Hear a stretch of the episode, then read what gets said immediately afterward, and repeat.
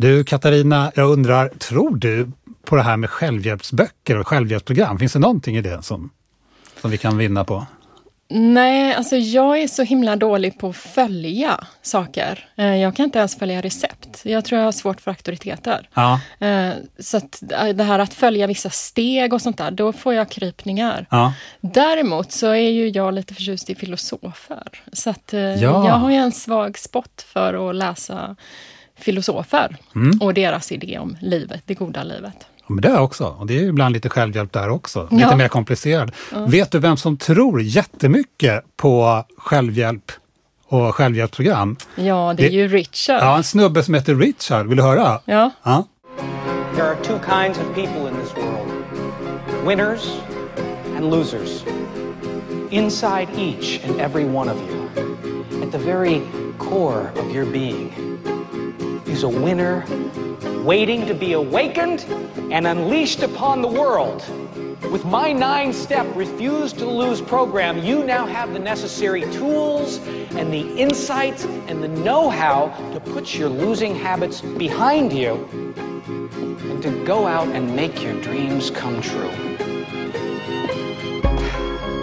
No hesitating, no complaining, no excuses.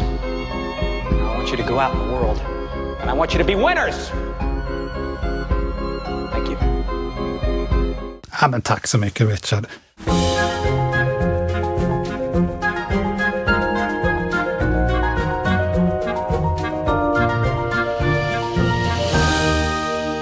Välkommen ska ni vara nu då till det tredje avsnittet av Filmvärldar. Och Richard som vi hörde här, han är en av huvudkaraktärerna i filmen Little Miss Sunshine Eh, från 2006. Där manus är skrivet av eh, Michael Arndt och den är regisserad av Jonathan Dayton och Valerie Ferris. Musiken, originalmusiken, eh, eh har gjorts av Denverbandet Devotska tillsammans med film, den ganska kända då, eller mycket kända filmmusikkompositören Michael Dana. Um, ehm, jaha, vad säger vi Katarina? Det här, eh, Ja. det här var ju ett intressant tal. Ja. Han är ju uppenbarligen väldigt övertygad om det här. Ja, verkligen. Jag tänker att det här är ju, eh, de här regissörerna har jag läst, gjorde den här filmen efter att de eh, läste om ett tal som Arnold Schwarzenegger, den här gamla filmstjärnan och sedermera guvernören, höll till collegestudenter där han tydligen då ska ha sagt If there is anything I hate, it is losers. I despise them. Så det var liksom bakgrunden till att de ville göra den här filmen som ju handlar om vinnare och förlorare. Precis som Richard pratar om här. Han har ju den här tonen, alltså den här coaching-tonen när han pratar om att vi ska ta fram vår inre vinnare i oss. Och det här är någonting som han kör genom hela filmen. Han är en, han är en högst enerverande person som samtidigt är ganska... Eh, man tycker om honom på något plan också, fast han är så irriterande. Ja. Eh, men redan i den här eh, öppningsscenen så, hans tal eh, står ju lite i kontrast mot hans... Han ser, så, han ser så snäll ut, han är liksom lite självgod och samtidigt så här lite glad som att han ska få, eh, som ett barn som får uppmärksamhet. Det är inte jättemånga som sitter i publiken, vi hörde inte applåderna här, men det är typ så här sju, åtta stycken och två av dem applåderar. Att, Ja, de tänder ju de här eh, lysrörslamporna och så är det en väldigt liten publik. Man tänker sig ju att han är på något stort så här konvent eller Ja. liksom har en så här publik på 200-300 personer. Exakt. Men det är liksom en liten så här kvällskurs som är halventusiastisk, Mm. får man ju säga. Och det här är ju precis den inledande liksom, scenerna till den här filmen där vi ju introduceras, alltså det här soundtracket går igång och vi introduceras till de här karaktärerna i filmen en efter en. Där ju pappan är, liksom, har den här bärande rollen av att han tror på det här självhjälpsprogrammet som han nu då ska lansera. Han har fått något slags löfte om att det här kan nog bli någonting. Eh, och de verkar ju ha lite pantsatt eh, sina pengar för att kunna iscensätta den här nya karriären för pappan. För det är ju mamman som drar in ja, ja. pengarna. Han går ju och väntar på ett stort bokkontrakt och så vidare som ska, som ska liksom rädda dem fullständigt ekonomiskt. Han, hans, eh, den har ju flera aspekter, hans, den här eh, vinnarfilosofin, men en av dem är att man ger ju aldrig upp. Och det här är ju någonting som, som Um, hela, allt det som händer i filmen sen är ju en, en, en huvudmotorn bakom det är ju hans uh, filosofi att man ger aldrig upp. Ja, uh, och den börjar ju kan man ju säga med att han på något sätt har någon slags idé om att man ger aldrig upp, man ska bli en vinnare i samhällets ögon. Men som vi ju kommer se när vi följer familjen så blir ju den här idén transformerad ganska rejält. Ja, ja. Ehm, men de ger ju fortfarande inte upp. Nej, de ger aldrig upp. Nej. Ska vi säga någonting om familjen och handlingen? Mm. För det är sex personer i den här familjen och i mm. själva, själva inledningen av filmen så introduceras man ju till dem en mm. och en. Och, då, och då, då, börjar det med att vi får se Olive som är sju år och uh, som, som, som uh, älskar skönhetstävlingar. Mm. och, och sen så får vi se då Richard hålla sitt tal. och sen så får vi se jag tror att det är så att vi får se mamman, Cheryl, som Nej. är på väg. Nej, innan Nej, får vi se storebrorsan. Ju, ja, det är storebrorsan det är Dwayne, Dwayne som, som, inte vi, talar. Ja, som har han slutat tala. Han har slutat Han läser Nietzsche och, uh, och så sprack Zarathustra och han pratar inte. Han har inte sagt något på nio Nej, månader. Man får se honom träna. Han uh, kör ju en väldigt hård disciplinering för han har ju också ett mål. Han har ett mål. Och sen är det ju farfar vi får träffa. Ja. Som snortar kokain. Det är farfar först, ja, ja. precis. Han har blivit utkastad från ett äldreboende för att han seniorboende. Har, precis, för att han använder droger. Ja, när man kommer på honom med att han mm. använder droger. Precis. Mm. och, sen så, och flyttat hem då till sin son. Han har flyttat hem. Motvilligt, precis. kan man väl säga från bådas sida. Ja. Eh, det är väl ingen, förutom Olive, som är glada över att ha farfar i huset. Nej, han, han är ju lite speciell då, ja. som man märker senare också. Och sen mm. så får vi ju se Mamma. mamman Cheryl. Hon sitter mm. i bilen och mm. hon pratar ju, förstår man ju, med, med Richard mm. eh, i telefon och han frågar henne, uh, fattar man röker du? Nej, jag röker inte, säger hon och kastar ut en fimp genom. Det säger ganska mycket om henne också redan där i öppningsscenen. Och hon ja. är då på väg till Ja, hon, man, man fattar att hon kommer från sitt jobb för hon har på sig en sån här namnskylt fortfarande och lite annorlunda kläder från det man kommer se henne senare. Alltså hon har någon kjol och skjorta så att antagligen är hon något form av serviceyrke då. Och hon är ju som sagt den enda i familjen som jobbar, hon försörjer familjen. Mm. Och hon är på väg för att hämta upp sin bror som har försökt att ta livet av sig. Uh, och hon ska nu, och han har inte tillräckligt med sjukförsäkring så han kan inte stanna kvar på sjukhuset men han behöver ju övervakas eh, så att han inte riskerar att göra detta igen. Och han har ju också en viss fixering, eller har haft i alla fall, vid att vara vinnare. För han är ju litteraturforskare och den störst, enligt egen utsago den största Proustkännaren i, I USA. I hela det, USA. I ja. hela USA. och det där, det där är ju lite, vi kan komma tillbaka till det, men det är ju lite av ett trauma för honom då, då som, som uppstår där omkring det också. Ja. Men du, jag tänker så här, nu har vi ju introducerat de här karaktärerna. Men, men, och samtidigt för att vi ska få igång det här, och den här filmen var ju från 2006, man kan tänka sig att en del lyssnare inte har sett den här på länge. Mm. Så man kanske skulle ta en, en liten beskrivning av handlingen snabbt också. Ja, det tycker jag att vi gör. Olive är sju år och hennes största dröm är att bli en skönhetsdrottning. När filmen börjar ser vi henne ståendes framför en video där vinnaren av Miss America koras. Gång på gång tittar hon på videon och med stor inlevelse härmar hon vinnarens rörelser. Därefter introduceras vi för de övriga karaktärerna i familjen Hoover. Denna på samma gång typiska och något avvikande amerikanska medelklassfamilj bosatt i Albuquerque, New Mexico. Pappa Richard som delar upp världen i vinnare och förlorare och vars hela tillvaro tycks gå ut på att sälja in sin niostegsmodell för framgång. Mamma Cheryl som sköter ruljansen där hemma, både praktiskt och ekonomiskt.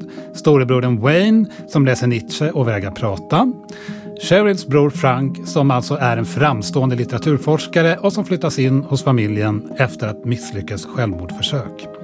Och slutligen farfar Edwin som kastats ut från sitt äldreboende efter att ha blivit upptäckt med att snorta heroin. När Olive får reda på att de blivit uttagen till en skönhetstävling för barn, den så kallade Little Miss Sunshine, uppstår ett visst tumult som slutar med att alla sex i familjen packar in sig i den gula folkabussen som de har, med destinationen inställd på Kalifornien.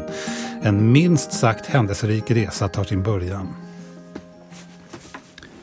Vad är det här för familj? Ja, det beskrivs ju ofta som att det är en dysfunktionell familj. Samtidigt så tänker jag att det är väl som familjer blir mest när de har det ganska tufft. Alltså, när vi möter den här familjen så är det ju ingen harmonisk familj. Alltså, det finns ju undertryckt vrede mellan familjemedlemmar. De, det är liksom, man förstår att de är ganska irriterade på varandra på olika sätt. Och så kan det ju vara mm. i familjer mm. emellanåt. Mm. Och det är också, det är också inte den, den, den eh, normativa familjen, så det är inte en kärnfamilj, utan Nej. det är ju faktiskt en, vad man kallar en styvfamilj. Ja. Därför att eh, eh Dwayne är ju eh, eh, Cheryls son från ett tidigare förhållande, äktenskap, ja. tidigare mm. äktenskap. Mm. Och dessutom är det ju en, en, en styrfamilj med, med en, en farfar som, som helt enkelt är narkoman. Ja. Så och som bor hemma ja. hos dem nu. Det är ju lite Precis. ovanligt. Plus att de dessutom då har fått ta hem yes. Cherrys bror ja. som också nu plötsligt då delar rum med den här tonårssonen som är en, eh, ja men inne i en tonårsfas av att vara tyst och eh, motvillig. Ja. kan man väl minst Han är säga. ju lite grann en, en variant på, eh, jag har ju två barn och en, en, en, en kille då som nu är vuxen, men när han var i 13-14 års åldern då var, det, då var det några år av i princip eh, man ja. svarar. Men ska du komma och käka nu då? Ja. Och, och här kan man säga att Dwayne är lite, fast Dwayne är ju, han har ju bestämt det han har tagit tystnadslöfter så att säga. Han ja. skriver ju ett block när han kommunicerar. Skriver ner säger. Men, han har ju det här målet att han ska bli pilot. Mm. Precis. Eh, och eh, läser Nietzsche och har någon idé om att... Eh, alltså han har ju tagit ett tystnadslöfte som han ska hålla fram till det att han har blivit Exakt. pilot. och man får ju också se honom träna han gör sit-ups och armhävningar och försöker hålla sig i form. Ah. I övrigt så lufsar han ju mer eh, runt ah. eh, och är ytterst, eh, hänger med axlarna, hänger med huvudet, ah. tittar inte riktigt på någon, gömmer sig bakom håret eh, har liksom svartfärgat hår och är allmänt ja, men så här tonårsaktig, mm. Eh, trotsig. Mm. Liksom. Det finns ju en lång scen här i början av filmen när, när, mm. när familjen samlas kring middagsbordet mm. och äter eh, hämtmat, kyckling, eh, friterade kycklingklubbor och lite sallad. På papperstallrikar. På papperstallrikar. Som, så, precis. som Dwayne lite har kastat ut. Exakt. Och, och här, här så drar ju en, det är ju en av de många gånger som, som pappan pratar om det här med vinnare och förlorare och liksom hur viktigt det är att, att, att vara en vinnare och ta det man vill ha. Sådär. Mm. Eh, och då så kommenterar ju pappan eh, Dwaynes tystnad mm. utifrån sin filosofi. Ja. Och jag tänker vi kan lyssna på det klippet. Ja, det kan vi göra. May not be my dream, may not be yours, but he's pursuing it with great conviction and focus fact, I was thinking about the nine steps and oh, for he, crying out loud. About the nine steps and how Dwayne's utilizing at least seven of them in his personal quest to self-fulfillment. Richard, please. Well, just saying, come around. Like you could use our support. Jag vet inte om du uppfattar det här klippet som, som jag gör mm. eh, i början här, för jag, jag uppfattar pappan som väldigt, väldigt ironisk. Men sen så är det som att, som att han börjar tro på att ja, men det här det passar ju in i hans niostegsmodell. Mm. Att det liksom är ganska, han tycker att det här är bra. Ja. Killen har ju ja, precis. jo, men jag tänker på Dwaynes blick när han plötsligt blir inkorporerad i pappans niostegsmodell. För man Sista hör ju i det här klippet att eh, ja, men han har ju inte övertygat sin familj. Han vill ju övertyga hela världen om sitt niostegsprogram. Men familjen är ju så trötta ja, på detta. Jag hörde det på farfars reaktion. Så, herregud, inte nu igen. och mamman bara, Richard, nu ja. får du vara tyst, vi orkar inte. Medan sonen då tittar på honom som, ja. åh gode gud, ja, ja, jag bli en del utav det här programmet. Ja. Um, så att det säger ju någonting, alltså pappan är ju, han försöker ju upprätthålla den här idén men ses ju ändå som lite löjlig mm. av resten av familjen och de tror inte riktigt på hur, det, hur detta liksom ska Nej, precis. Han framställs ju som lite löjlig också eftersom han är som... Mm. Han, han, när filmen börjar så har han ju egentligen ingenting. Det är de där nio personerna som mm. sitter och man, man, man, nästan fattar fattar att han, det där kommer inte gå så bra med det där bokkontraktet. Men, Nej. men sen tänker jag också på den här familjen då, för den är ganska lång den här scenen när de Mm. sitter runt, runt, runt matsalsbordet där. Att det, det, det, är lite, det finns lite liksom brist på, eh, de, är som, de är verkligen sex individer. Ja. Eh, som, som på något sätt, och det här har jag tänkt lite tidigare också, att det är nästan som en, man kallar för en centrifugal familj. De liksom slungas bort från varandra. Det, och det, det finns ganska lite så att säga som håller ihop dem. Eh, de, de, är verkligen, de, är verkligen inte, de är verkligen inte en helhet här i början på filmen. Nej. På många sätt. Och det, det är kanske mamman, hon springer ju runt som en skållad råtta emellanåt och Mm. som är typiskt så här kvinnlig, liksom, någon sorts nästan som, någon, någon form av bakgrund som håller ihop alltihopa. Ja. Eh, Men annars är det ju liksom de här, de här Olive har ju sin, sitt ideal då med den här skönhetsgrejen och, pappan är upp, eller farfan är upptagen med, sin, med, sin, eh, med sitt knark. Eh, Och de andra tre är ju också tre, tre liksom män i olika åldrar som är oerhört fixerade liksom vid sina egna Ja. projekt. Men det här är ju, tänker jag, en film väldigt mycket om könsroller. Därför att vi har å ena sidan männen som ju på något sätt är autonoma från familjen och tar inte riktigt, de går ju in och ut ur familjen och tar inte riktigt liksom ansvar för familjehelheten utan de kör sina projekt. Vi, det är ju redan som vi har nämnt då, Sherid som försörjer familjen men det är också hon som ser till att det blir mat, att eh, alla samlas, att det liksom hålls ihop. Och hon är ju den enda personen i den här familjen som så att säga inte har någon egen egen dröm hon artikulerar eller liksom någonting annat än att just försöka hålla ihop familjen. Så hon får ju den här väldigt så här otacksamma rollen som ja, men modern eh, som försöker hålla ihop allt men som ingen egentligen är tacksam Nej, för att nej. hon gör detta. Nej, precis. Och sen har vi de här männen som är helt upptagna av sina egna liv och tankar på att de ska bli framgångsrika. Och, då, och der, all, alla deras eh, projekt, de skulle ju bara falla ihop om inte hon var där och såg Nej. till att allting funkar. Liksom, att rulliansen pågick så Ja. att säga, på ett sätt. Ja, som, de som, är ju beroende utav det Ja. utan att se det eller egentligen på något sätt. Ja, ja. Så hon är som. Mm. förutsättning för att de ska kunna liksom dream on med, sina, med, sina, med sina grejer. Ja. Eh, jag, jag tänker också på eh, i det här matsalsscenen här Mm. eh, så, så kommer det ju upp en del spänningar också, vad man Mm. får prata om och inte får prata om. För Richards eh, vinnarfilosofi, den, den, den får ju väldigt tydliga praktiska konsekvenser ibland om vad, vad, vad han tycker att hans barn ska få ta del av och framförallt Olive då som bara är sju år. Eh, Och eh, då kommer ju det här känsliga ämnet upp med, med Franks eh, självmordsförsök. Ja. Och då blir det ju mycket känsligt. ja, det blir det. Och- Och det och blir stor också oenighet. en slags... Det är ju ett talande klipp för också hur dynamiken i familjen ser ut. Så Ja. vi kan väl ta och lyssna på det. Ja, det gör vi. How did it happen? How did what happen? Your accident. Honey, here. Oh, no. It's okay. Unless you object. No, I'm I'm pro honesty here. I just think, you know, it's up to you. Be my guest.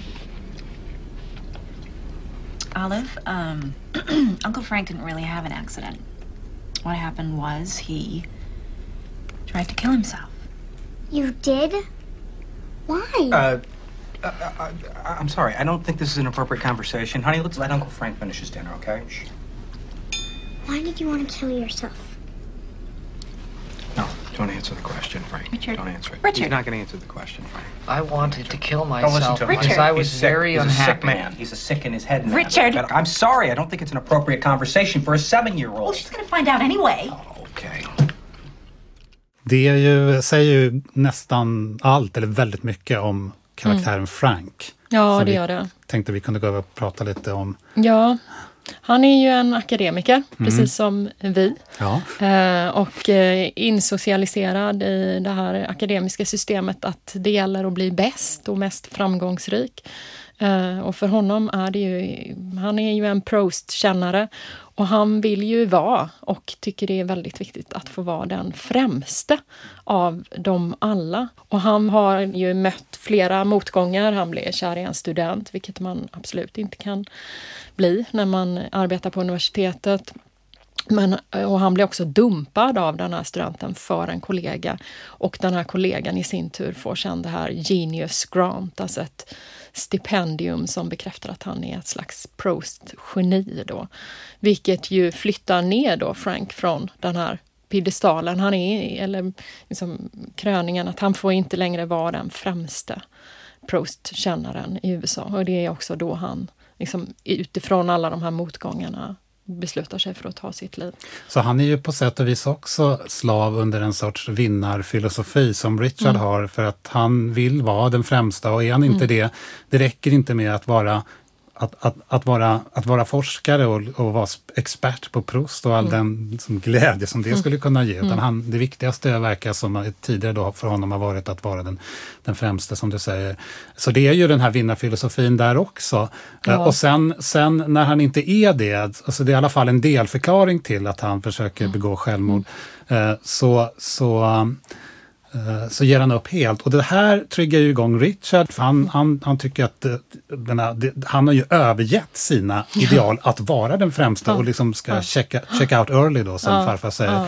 Uh, och därmed är ju han i Richards ögon en, en som inbegreppet av en loser, en förlorare. Ja, han håller ju ett litet tal för Olive sen. Ja, för, för, för, för, för Richard är det ju liksom, som jag sa tidigare, det är ju flera aspekter av det här med att vara vinnare. En av dem, det har, dels har att göra med, med, som vi kommer fram till senare i filmen, att hur, hur, vilka fysiska attribut man kan ha och att man aldrig ska be om ursäkt och så vidare. Men det centrala i hans vinnarfilosofi är att man aldrig någonsin ger upp. Mm.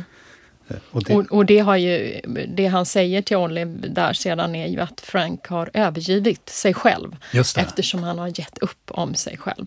Han skulle helt enkelt ha fortsatt att kämpa för att återfå den här positionen som nummer ett. Om han nu ens har haft det, det vet vi ju inte utan det är Nej. ju hans egen berättelse.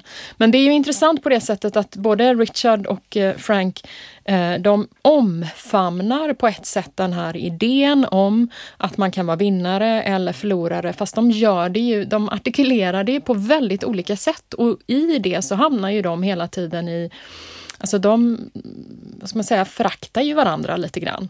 För att de är representanter för två väldigt olika kulturer och förhållningssätt. Där ju Frank har ett mer intellektuellt förhållningssätt och akademiskt och filosofiskt. Där han ju på något sätt hittar någon slags själsfrände i Dwayne då, som ju läser Nietzsche. Mm.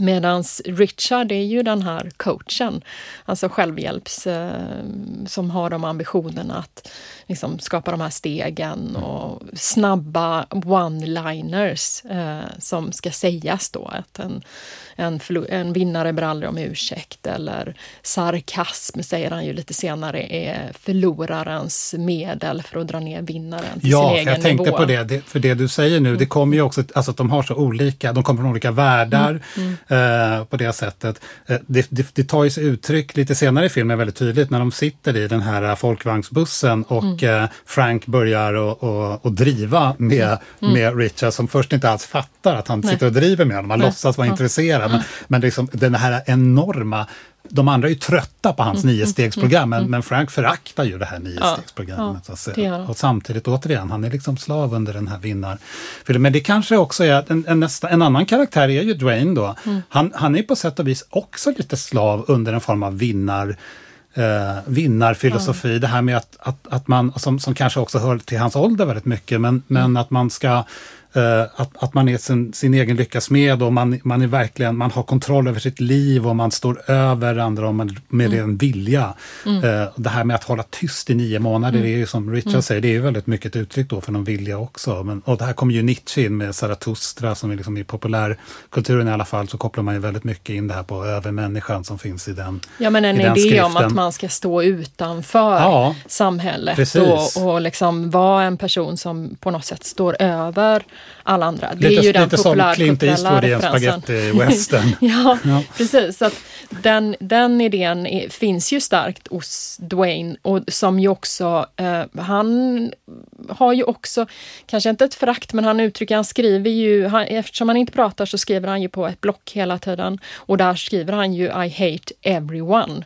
Och så, eh, och så frågar Frank, ju Frank, men din familj då? Och så stryker, han under ja. everyone. Eh, så att han, han är ju liksom en slags eh, ja, men asocialitet. Eh, alltså som på ett sätt är typisk tonårig, Ja, men som ju skulle jag han säga. gör någon slags filosofi av. Ja. Men någonstans kan man ju säga att alla de här tre männen är ju uttryck för en, en, en form utav manlighet eller manlig norm där männen ska eftersträva något särskilt mål och de ska liksom nå detta och då kan de nå det också på bekostnad utav människor runt omkring dem. Jag menar, eh, den här pappan eh, drar ju inte in pengar till familjen. Familjen har ju jättedålig ekonomi utan det är Cheryl som får bära det för att han ska få leva sin dröm då. Och han är antagligen Ja, det, han säger ju det, han nämner ju det, liksom, att ja, men det här kommer gå i hamn snart, men han förnekar ju någonstans inom sig själv, Han känns det som. förnekar, Det här med att, att, hon, att, att, att hon är den som faktiskt ser till att det funkar. Liksom. Det är bara en tidsfråga innan Ja, det ska fungera. ja. Men jag tänker på en sak med Dwayne också, för att det, jag tror alltså att det är en tonårssak, men som du nu faktiskt också var inne på, så är det en, en sorts manlig tonårsgrej det här. För att jag, jag känner faktiskt igen mig lite. Det var inte så att jag höll tyst när jag var i 15-16 års åldern i nio månader, men när jag var i den åldern så hade jag en period där, där det var otroligt viktigt vilka jag skulle hälsa på och inte hälsa på. En sorts liksom konsekvens i hur man skulle leva livet. Och jag var också lite fascinerad av Nietzsche, men även av andra. Och sådär. Så jag kände jättemycket igen mig i den här Dwayne. Eh, och, och, men också det här med att, eh, som, som jag fick då erfara ganska snabbt, jag, när jag tänkte tillbaka på det här också, kom jag, kom jag ihåg det, att, att det gick ju inte att leva så här. Nej. Liksom, fullständigt konsekvent på det sättet. Och det går ju inte det för honom heller. Och det kommer ju, i den här filmen, jag tolkar det lite så när han inser i, i en väldigt kritisk scen så inser ju Dwayne att han är färgblind. För Olive sitter och visar honom så där, man, där man ska kunna se eh, bokstäver inne då i, i, en, i en cirkel. Och den ser inte han. Och då säger Frank till honom, ja men om du är färgblind då kan du inte, då kan du inte, you can't fly jets. Och då får ju han en fullständigt psykbryt. Eh, och det här, och så, och så börjar han prata efter det. Men, och det, jag, jag, jag alla tolkar ju en film på sitt sätt, men för mig var det liksom lite ett uttryck för också att det här kan, man kan inte leva så här på det Nej. sättet. Det är inte hållbart. Lika lite som Richards niostegsfilosofi är hållbar. Det, Och det finns ju någonting i Cheryls ansikte som ju är fantastiskt spelad utav Toni Collette. ja. Eh, Hon har ju en slags trötthet över sig som hon bär med sig genom filmen. Att de här männen, de håller på med sina grejer och hon får på något sätt se till att allting funkar och hon är jättetrött. Hon är jättetrött på de här. Den enda som inte riktigt förhåller sig till den manliga normen Eh, alltså den här disciplinerade manliga normen, det är ju farfar, Farfar, som ju ja. har mm, på något sätt beslutat att checka ut. Men han är ju fortfarande väldigt mycket utav en eh, jag vet inte hur man ens ska formulera det, men eh, han, han eh, En sorts en man- mansgris. Ma, ja, man, en manligt hedonistiskt ideal. Ja. liksom, att, att, att fullständigt ge sig hän till alla lustar, så att säga. Ja.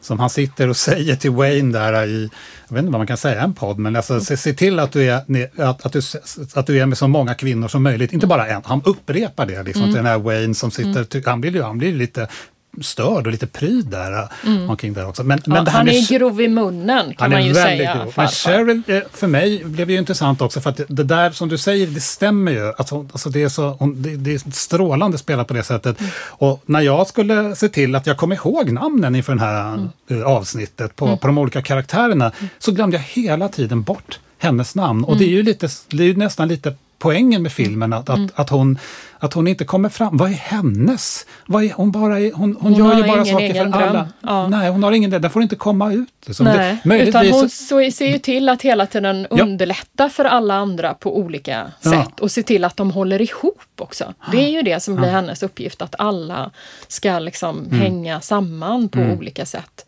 Ehm, klassisk kvinnoroll på det Ja. sättet som hon hamnar i där. Men det finns ju en annan typisk kvinnoroll som vi kanske skulle kunna prata om i en scen när de ju... Eh, för det är ju så att i den här filmen att Olive eh, blir antagen till den här skönhetstävlingen och familjen beger sig i, i en gammal eh, gul folkabuss iväg för att ta sig till den här, på en ganska lång resa.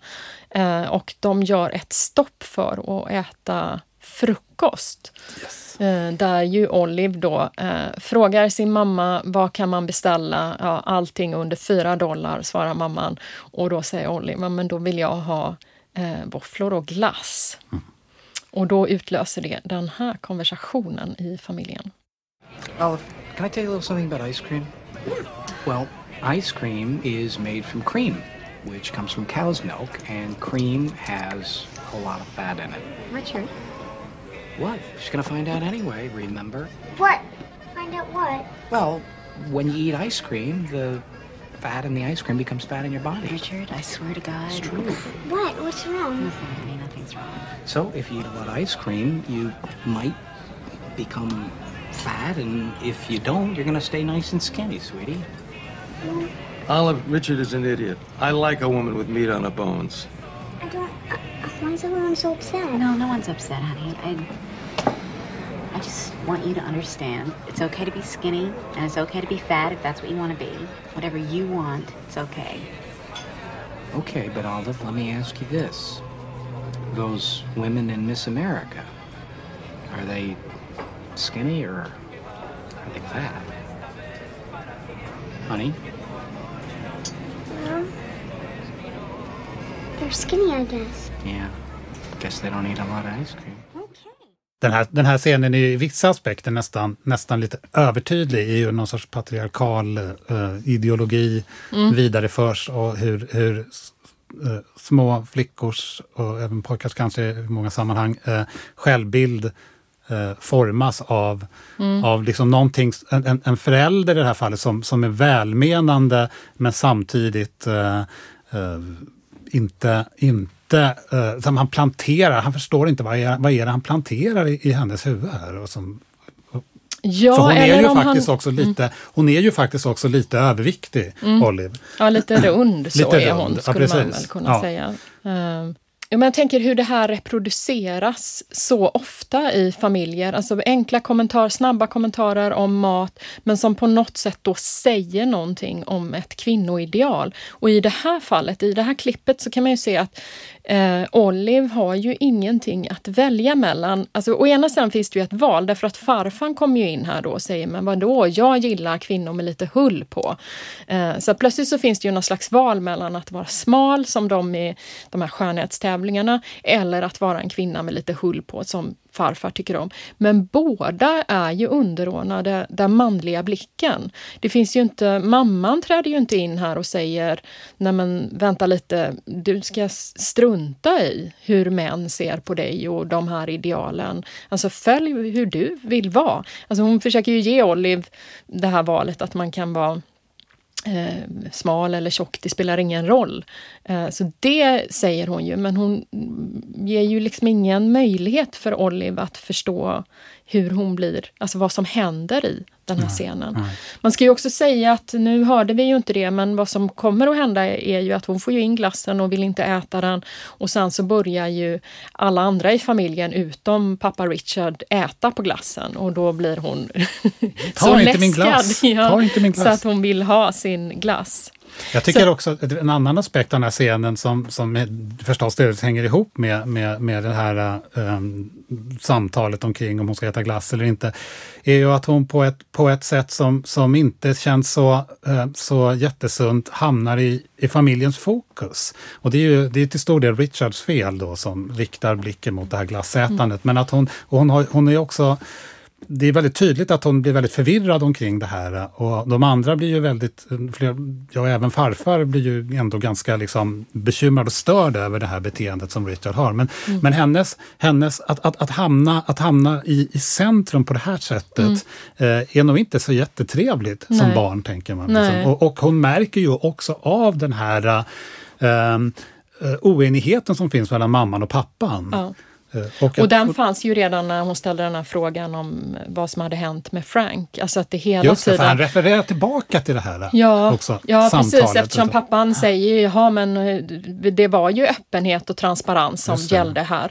Ehm, Så att, för att det är ju, läget mellan föräldrarna är ju oerhört eh, spänt Mm. under stora delar utav den här resan. De är ju lite på gränsen nästan till Ja, att de. faktiskt separera. Eh, och det plockar ju hon upp i vissa sådana här, att hon, hon hamnar i, i det här strålkastarljuset där deras konflikt blir synlig Mm. då, just i relation till henne. Eh, och där hon på något sätt anar det genom att fråga sig, men är det något som är fel? Är det, vad, vad pågår här egentligen? Precis. Så då, är de, då har de hamnat där på glassbaren och det här är, mm. nu, är de ju, nu har de ju kommit en bit på sin färd från Albuquerque till Kalifornien. Ja. Det är en ganska lång resa. Och stämningen är ju sådär. Den är sådär. De är ju motvilliga i, ja. i den här resan. Ja, precis. Och på något sätt så är de ju också presenterade, för någonstans tänker man ju att hur ska detta gå med hennes tävling och de är ju presenterade som några som ja men kanske inte är så lyckade som vill, men det här är liksom... Eh, och man kan ju säga att vad som kommer att hända nu är ju att även den här folkabussen de åker med bidrar till den här misslyckandet. Jag skulle säga att folkabussen är den sjunde karaktären i filmen. Ja, alltså det, det. Om, om, man, om man tänker att de i någon mening i alla fall allihopa är lite dysfunktionella på ett eller annat mm. sätt, så, så är den här folkabussen det också. Och ja. den blir ju liksom mer dysfunktionell ju längre resan går. ja. För den pajar ju mer och mer. Och ja, de, får ju, först, de kommer ju, ja, de, de, plötsligt kan de, så funkar inte växelspaken, så de kan Nej. inte starta den och då får Nej. de ju hela tiden pusha på den tillsammans. Och det här ja. kan vi komma tillbaka till att det faktiskt börjar också föra dem samman lite. Mm. Men om vi stannar lite vid den här folkabussen så är den ja. ju intressant på flera sätt. Just att den pajar, den är också ett uttryck för att det, att det är en, eh, visserligen eh, presenteras den som någon form av medelklassfamilj, men en, en, som inte har så starka ekonomiska muskler så att säga. Nej, det är ju en gam, verkligt gammal ja, folkabuss. Den är väldigt gul och fin, men den, är, den är gammal alltså. och Eh, den ger ju ifrån sig lite fler, ska man säga, irriterande ljud för tutan går ju sönder. ja, och det här tycker jag är intressant, ja. den här tutan, för dels är det väldigt roligt. Um, och dels är det extremt enerverande när man ser den här filmen, för den fortsätter ju sen. Så fort de är på vägen så hör man den här tutan. Ja. Och man blir liksom, men herregud. Liksom. Ja, ja. Eh, och för mig så, så är den här tutan ett uttryck för en sorts, eh, ja men en form av nästan dysfunktionalitet, på, men också på ett positivt sätt. För att mm. alla andra bilar på, på den här stora motorvägen, de uppför sig som vanligt. Men den här bussen, den sticker mm. ut, precis som familjen Hoovers precis själva. Som familjen, ja. För det finns ju en väldigt rolig scen när, när de kör och tutan är igång och man fattar att de andra bilarna börjar säga, vad är det ni tutar? Och pappan sitter och försöker gestikulera ja, gentemot alla andra bilar att, att den har gått sönder, tutan har gått sönder. Ja, så att han sitter ju där och gestikulerar friskt i förhållande till alla ja. andra bilar för att förklara då det här eviga tutandet. de skulle tutandet. fatta det. Liksom. ja, nej, gör de ju inte. Men när den här scenen, när den går sönder, den är ju, den, den är ju, vi hoppar lite fram och tillbaka här ska vi säga filmen, men så är det ibland.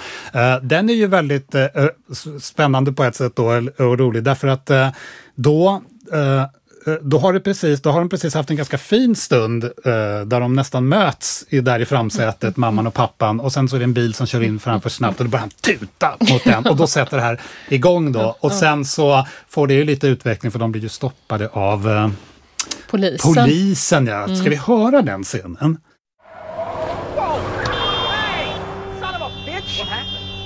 Cut me off. Okay, just leave it. Stuck or something. Ah. Maybe try pulling it through here. No, no, just leave it. Fix it when we get there. Okay, fine.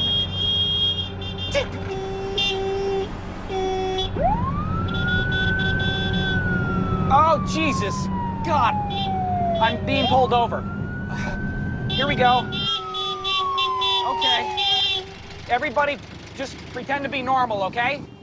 Like, like everything's normal here. Ja, pretend to be normal, säger ju pappan här. Och det har ju inte bara att göra med att eh, ja, men de är en lite annorlunda familj, utan det har ju också att göra med det faktum att de har en död farfar i baksätet eh, som de har snott från sjukhuset.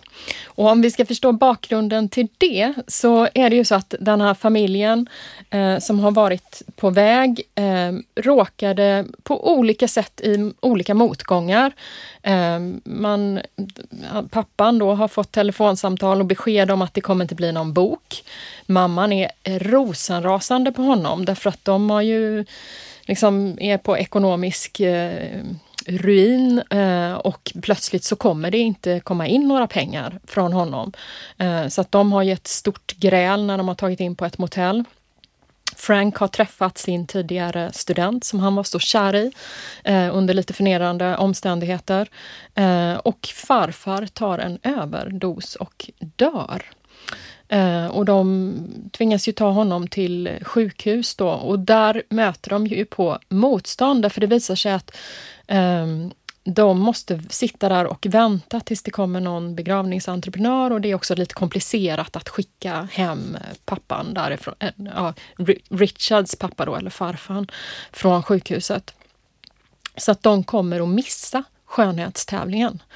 Uh, och det är ju då man kan säga att uh, pappans niostegsprogram tar vid därför att då beslutar han eh, för man kan säga att i det här ögonblicket när farfar har dött och liksom, de har stött på sina motgångar så är familjen väldigt, väldigt långt ifrån varandra. Mamman försöker hålla ihop dem och säga att hon älskar dem alla ja. men, men de är väldigt långt ifrån varandra.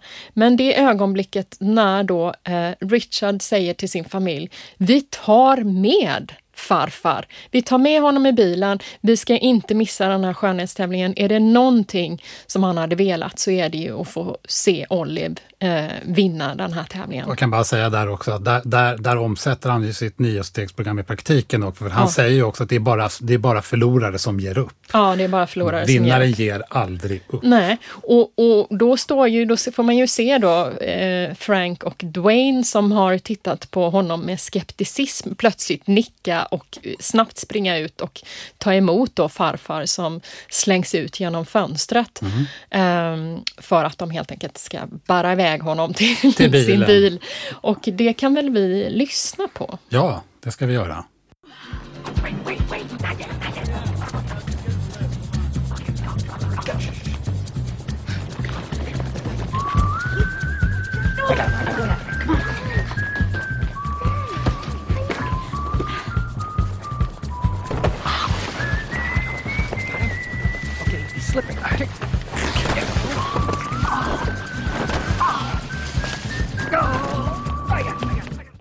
Ja, här kommer vi in mitt i den scenen när de redan är på väg att ta ut pappan genom fönstret. Mm. Och uh, de tar emot honom där, mm. uh, Frank, Frank och Dwayne, och så tar de, tar de liket då till, till bilen.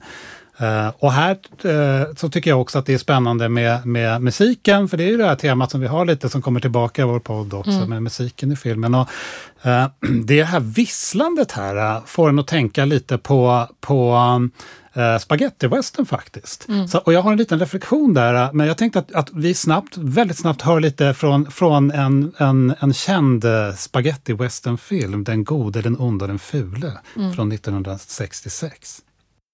Ja,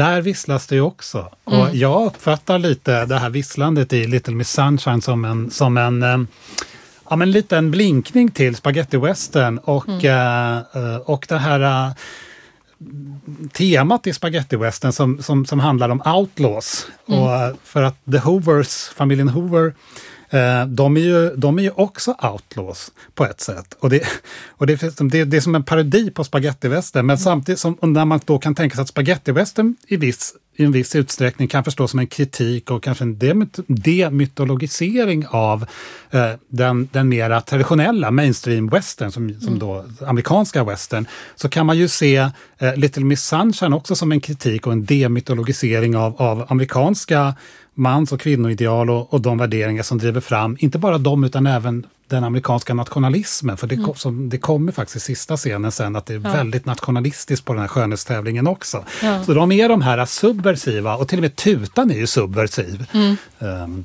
För jag, jag, tänker att alltså den här familjen, alltså de är ju inte outlaws från början. De försöker ju i allra högsta grad att passa in så mycket de någonsin kan. De är verkligen en familj som vill anpassa alla individer utom farfar då. Ja. vill ju anpassa sig till samhällets normer sker på olika sätt. Men under den här roadtrippen som de gör tillsammans så blir det ju, alltså, så blir det ju mer och mer tydligt dels hur svårt det är att faktiskt vara anpassad, hur mycket arbete det kräver för att bli så att säga lyckad i det här samhället. Men också att deras version av mm. alltså hur de tar sig an livet ju inte passar in och, där, och de börjar också bejaka det. För jag tänker att det intressanta med den här scenen är ju att det är ett av de gångerna när de faktiskt, alltså en slags vändning där de enas i det här väldigt olydiga eh, och till viss del lagbrytande. Ja, det är civil olydnad de ägnar sig åt. Att helt enkelt ta med sig farfan och lägga honom i bakluckan att det skapar en slags gemenskap. Och det som vi inte har sagt tidigare är ju att eh, alltså bilen har ju gått sönder vilket innebär att de måste tillsammans, eh, eftersom eh, växlarna är trasiga, ja, så att de kan bara starta på trean. Mm. Så de måste putta tillsammans igång bilen eh, och springa efter Men bilen. Men det är ju en serie dem. händelser här också mm. som de råkar ut för som, som, som driver dem från att vara den här uh, mera centrifugala som jag kallar mm. i mm. familjen till någon sorts centripetal. Alltså att de, de, det är en utvecklingsresa för ja. dem som både individer men som, som familj och kollektiv. Ja. Uh, där, där, där de sammansvetsas på ett sätt som, som, är, som är väldigt uh, rörande och som är väldigt, som, som är väldigt så att säga, välgörande för var och en av dessa individer ja. också. Där de och också successivt, framförallt de här männen då, får ge upp sina, sina eh, vinnarideal, ja. släppa dem lite. Och den, den, som faktiskt genomför sitt vinnarideal, det är ju Olive då. Ja, för tävlingen har ju kommit fram till det ögonblick där då Olive ska göra sitt nummer och Olive har ju blivit tränad av sin farfar. Det är ingen i familjen som vet om vad Olive ska göra. Um, man kan säga att männen i familjen har blivit väldigt oroliga över huruvida Oliver överhuvudtaget ska gå upp för att de har plötsligt hamnat och insett vad det här är för slags tävling. Det är som att de inte riktigt har hängt med eh, och fattat det. Men när de sitter där och ser de här andra små flickorna så inser de att men herregud, Olive är ju inte, hon ser ju inte alls i närheten ut som de här. Mm. Så att de försöker ju hindra henne eh, eller tar upp med mamman då att de inte vill att hon ska gå upp på scen. Men Olive eh, går upp på scenen och dedikerar också sin, sitt framförande till farfar, eh, som hon också säger ligger i bakluckan. Eh, eftersom han har lärt henne rörelserna. Eh, och familjen sitter ju i publiken och eh, har lite ångest över hur detta ska gå. Och så sätts ju musiken på då. Ja, och det är ju då Rick James eh, kända sång Super Freak som hon dansar till här. Ja.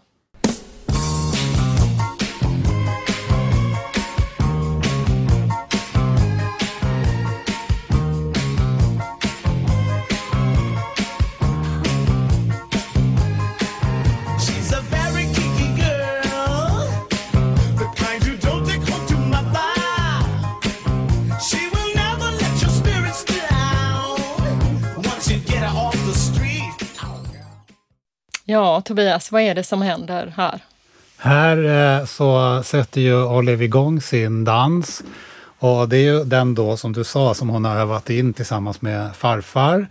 Och eh, det är ju en form av eh, striptease kan man säga, liknande dans ja. som hon genomför här och som samtidigt är, hon gör det med en sån otroligt barnslig glädje så det ja. finns ju egentligen ingenting sexuellt där, det är bara Nej. ren glädje. Verkligen. Eh, hon och, sliter av sig byxorna. Hon sliter av sig byxorna och hon sliter av sig andra saker också. Uh, och låten är ju då den här uh, texten är ju, um, den börjar med She's a very kinky girl, the kind you don't take home to mother. Och så, och så mm. refrängen är She's a super freak. Mm. Och freak här är ju känt från den här sången att det liksom mm. alluderar ju på, på, på mm. Sexuellt eh, promiskuösa beteenden då. Mm. Sådär. Och hon står ju liksom och, och spankar sig själv lite lätt på rumpan där ja. också i början. Ja. Och vad sätter det här igång då? Ja, men jag tänker att det som är så intressant med den här scenen är ju att eh, det, det, man har fått se när de här små flickorna, eh, otroligt make-upade, inte Olive då, men de andra flickorna som är otroligt make-upade och, och stassar omkring i små bikinis och sådär. Det är ju hur hårt sexualiserade de här skönhetstävlingarna är. De här små flickorna ser ju inte ut som barn utan som någon slags eh, ja, men Barbie-dockor eh, barn som ska se ut som vuxna kvinnor och röra sig som vuxna och le. Eh, så att vad, hon, vad Olive gör i den här dansen är ju att hon på något sätt tar fram. Å ena sidan tar hon både fram det översexualiserade som finns i skönhetstävlingarna. Å andra sidan är det precis som du säger att hon gör det ju som ett barn. Hon försöker ju inte härma en vuxen utan hon är ju väldigt, väldigt glad och skuttar runt där som ett, just som ett litet barn. Ja. Men det här väcker ju i sin tur Alltså det är ju som en chock för publiken och man ser ju i så här långt vi har kommit till scenen hur ett antal i publiken faktiskt också börjar lämna och ropar buord till henne och familjen börjar titta på varandra lite förvirrade. Liksom hur, hur ska de agera nu? Eh, och den här domaren, som chefsdomaren, börjar se väldigt, väldigt upprörd ut. Mm. Ja, för det, hela, hela den här skönhetstävlingen är ju eh, en, en enda stor eh, objektifiering och sexualisering av eh, flickkroppar. Eh, och, eh, men samtidigt så är ju, är ju liksom ideologin sådan på den här tillställningen att ingen, man får inte göra, man måste hålla sig till någon form av vad man kan kalla dekorum då, som, som, som innebär att man, att, att man inte ska, det ska inte erkännas så att säga, Nej. utan det ska gömmas undan fast det är där in plain sight. Och, och det, det, det här normbrytande så att säga, beteendet, det Olive gör är att hon, att hon gör ju det här som du också säger nu, alltså att hon, hon, hon gör det så explicit. Och det tål de ju inte. Alltså det är ju det som, som jag tolkar som får de här, de, de som leder den här tävlingen att gå igång och ska absolut ha henne bort från scenen Ja, till vilket pris som helst. Därför att hon lyfter fram hela, hela det här sjukliga eh, sexualiseringen och objektifieringen Ja. på ett sätt som de inte kan acceptera, att det får bli så här tydligt. Vi kan väl höra vad som händer sen då. Ja, just det, för sången fortsätter ju och det, och det händer ju... Och Olive fortsätter att dansa och det, publiken börjar lämna och chefsdomaren känner att hon måste agera för att få stopp på detta. Precis, och det gillar inte Olives familj och hennes Nej. pappa, så de, Nej. de försvarar ju henne och det blir bråk. Hey! Hey, let go my daughter!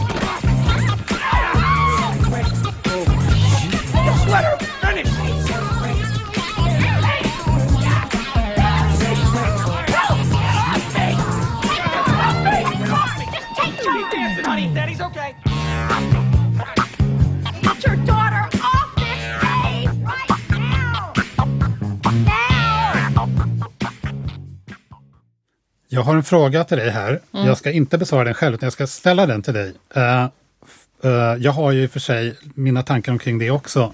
Eh, och, och det är att den här skönhetstävlingen är ju en form av, som jag tänker, liksom institutionaliserat förtryck av eh, just det här att man, att man skapar de här fogliga kvinnokropparna redan, alltså det ska internaliseras redan från början att man ska vara en viss typ av kropp och en viss typ av kvinna och så vidare. Och de ska dessutom vara väldigt talangfulla och sådär. Ja. Så att eh, det här valet att, att, att Olive är med i den här eh, att hon gör sitt nummer, det är, det är hennes individuella val.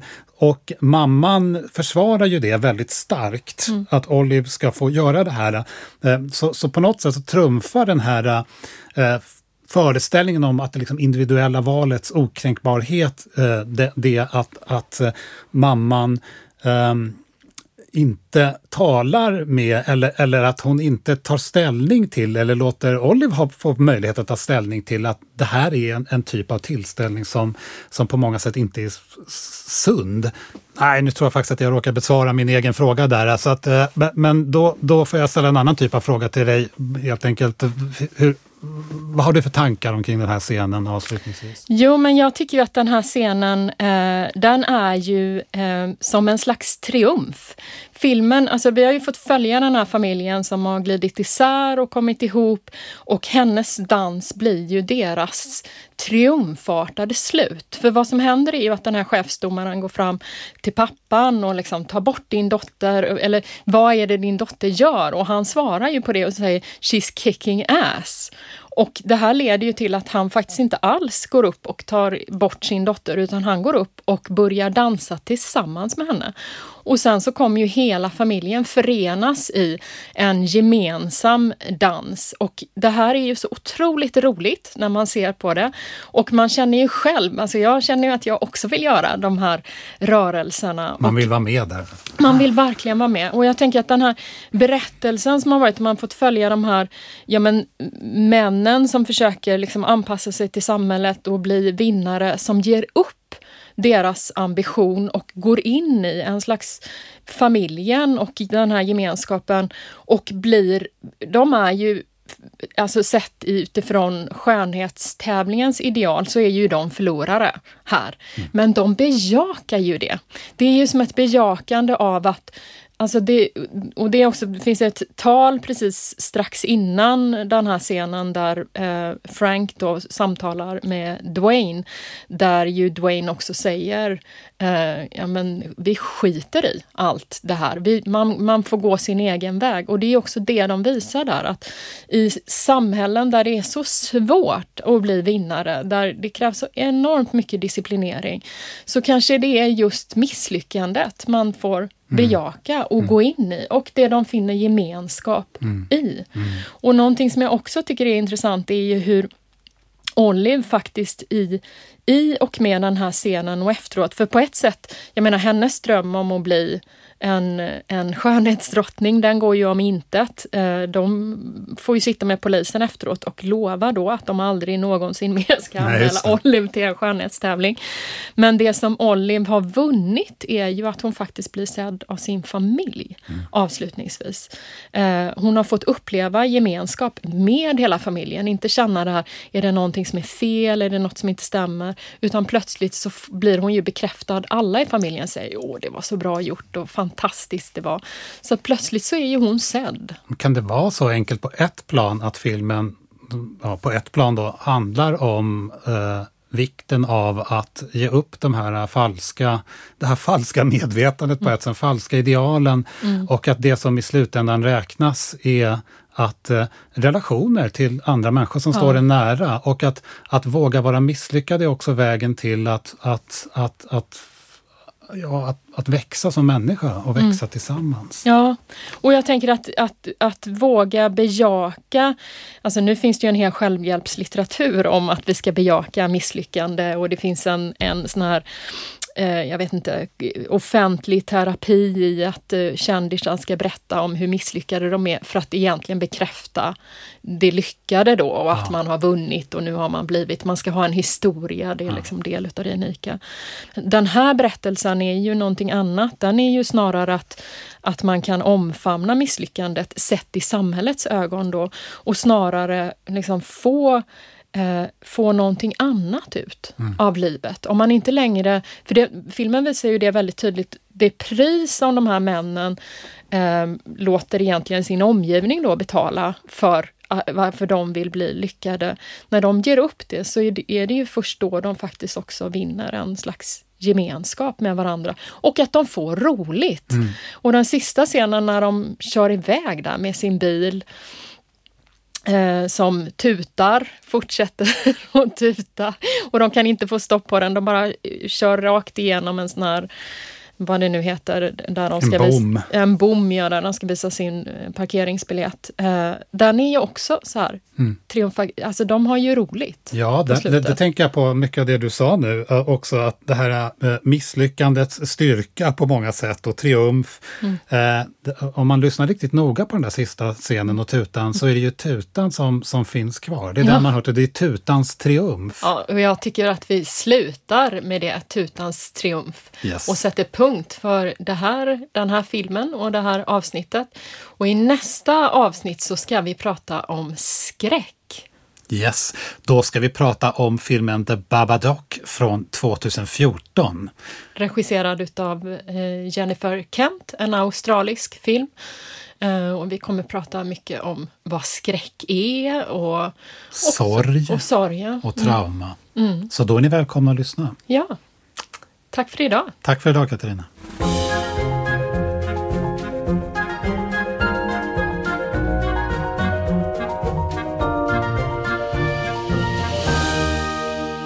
I nästa avsnitt.